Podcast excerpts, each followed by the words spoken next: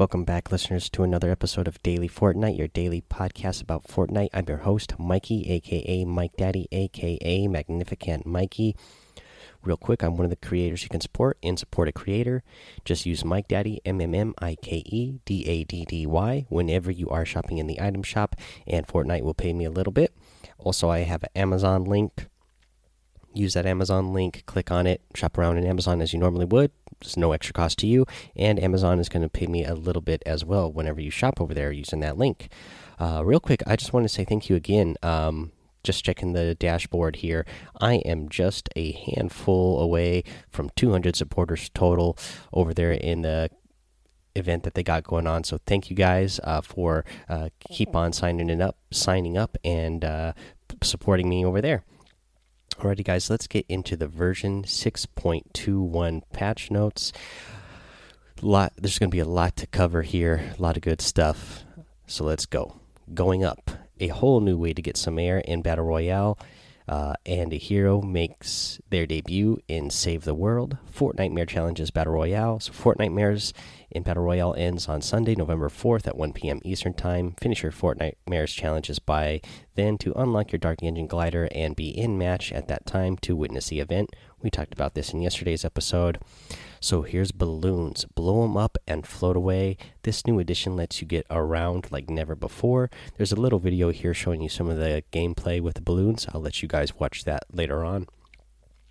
Uh, Dim Mak Igor save the world. Uh, throw smoke bombs at enemy husks while you resist damage. With Shadow Stance. Trust him, he's a doctor. General notes here. Gameplay. Added support for newer versions of ps4 and xbox one controllers on mac. Bug fixes a fix an issue where holding down the left mouse button would block other inputs in certain conditions on mac. And for known issues go check over their uh, community's trello board. Battle royale. So here are the notes.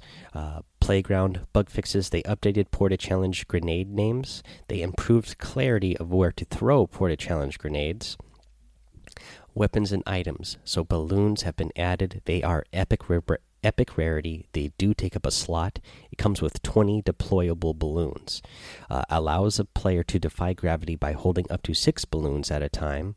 The primary fire button to inflate a balloon and use the secondary fire button to let go of balloon. So the more balloons you hold, the higher you're going to go. You can hold up to six, and they can be found from floor loot, chests, supply drops, supply llamas, and vending machines. Note, don't float too high for too long. Balloons only last so long at max build height. So I guess if you hold six balloons, you can get all the way to max build height, but you won't be able to stay up there forever and just float around. They will, I guess, pop. Uh, you know, I guess it's not really that big of a deal since we are keeping the glider redeploy, but uh, so I, I don't see why you wouldn't want to stay up there for too long since you can just redeploy enlist state later on. Like I said, I suggested, uh, you know, unless you purposely jump, then maybe that would still make you fall. Uh, but we'll see how they do this glider redeploy going on in the future. Here's the grappler. When grappling as a vehicle passenger, the velocity of your vehicle is factored into the grapple force. Only occurs in instances where vehicle velocity will be a net gain to grapple force. Grappling as a vehicle passenger will now cause the vehicle to travel in a straight line to its destination rather than traveling in an arc.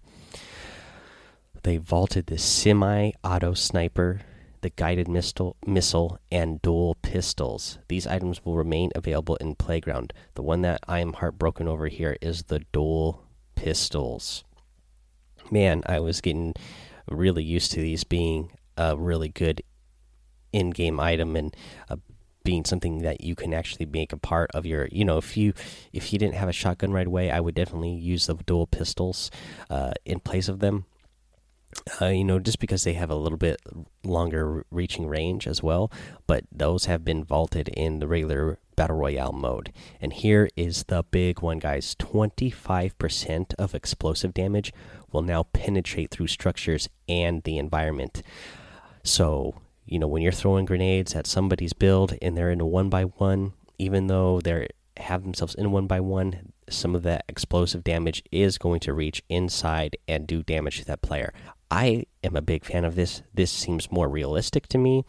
Uh, so that way, if you have explodes and you are landing your shots with uh, rocket launchers or grenade launchers, especially things like grenade launchers and regular grenades, uh, because those are, you know, you have to actually have skill to bounce those in the right place. That way, they actually land right next to the player's structure and they don't bounce off somewhere else.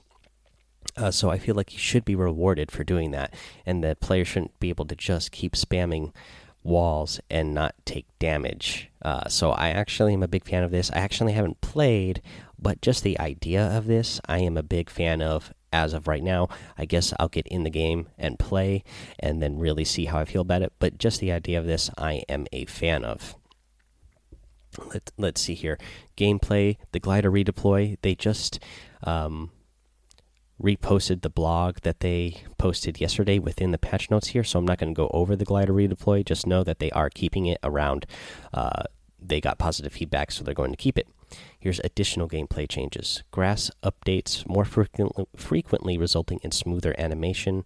Uh, they added support for Nintendo Switch uh, Pro controller and newer versions of PS4 and Xbox One controllers on Mac. Uh, bug fixes. They fix an issue where picking up a trap could cause a hitch. Uh, certain bindings will no longer override the ability to use the full screen map and spectating actions. Uh, fix the delay between using multiple small shields. Fix an issue where inventory could get stuck when using the grappler while picking up an item. Map zooming with trigger buttons works on Switch again. Audio, they intensified Fiend Hunter crossbow fire sounds. They reduced volume of cube monsters and dynamic spawners. It's now easier to hear gliders when shooting or harvesting. Bug fixes they fix the sniper projectiles playing the wrong impact sound when hitting cube monsters, and they fix Boogie Bomb music not playing for cube monsters. The replay system. Bug fixes they fix a bug causing quad launcher rocket explosions to reset when scrubbing replays. And for mobile people, optimization to reduce hitching on Android phones using Vulkan, the Snap to Value slider added to the HUD layout tool, bug fixes, widgets that should not have had edit editable visibility shown will now be properly hidden. And let's see here, guys. The next uh, set of notes here is uh, for Save the World. I will go ahead and make a separate Save the World episode later on today, just to keep this episode short. And that way, uh, when the item shop updates, I can go ahead and give you today's item shop. Obviously, I'm recording this episode early in the morning, so the item shop from last night is still in the item shop, uh, the same item shop right now. Uh, so that's going to go ahead and be the end of the episode, guys. So just go ahead, uh, if you could, go join the Discord, follow me on Twitch, and uh, subscribe to my YouTube. Those are great ways to get more involved in the community, especially the Discord, because we have a lot of people that can come in there and hang out.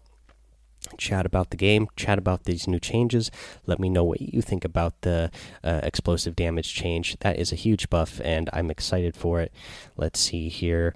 Um, you can also rate, review, and subscribe over on Apple Podcasts and iTunes. It really helps the show out, uh, grow.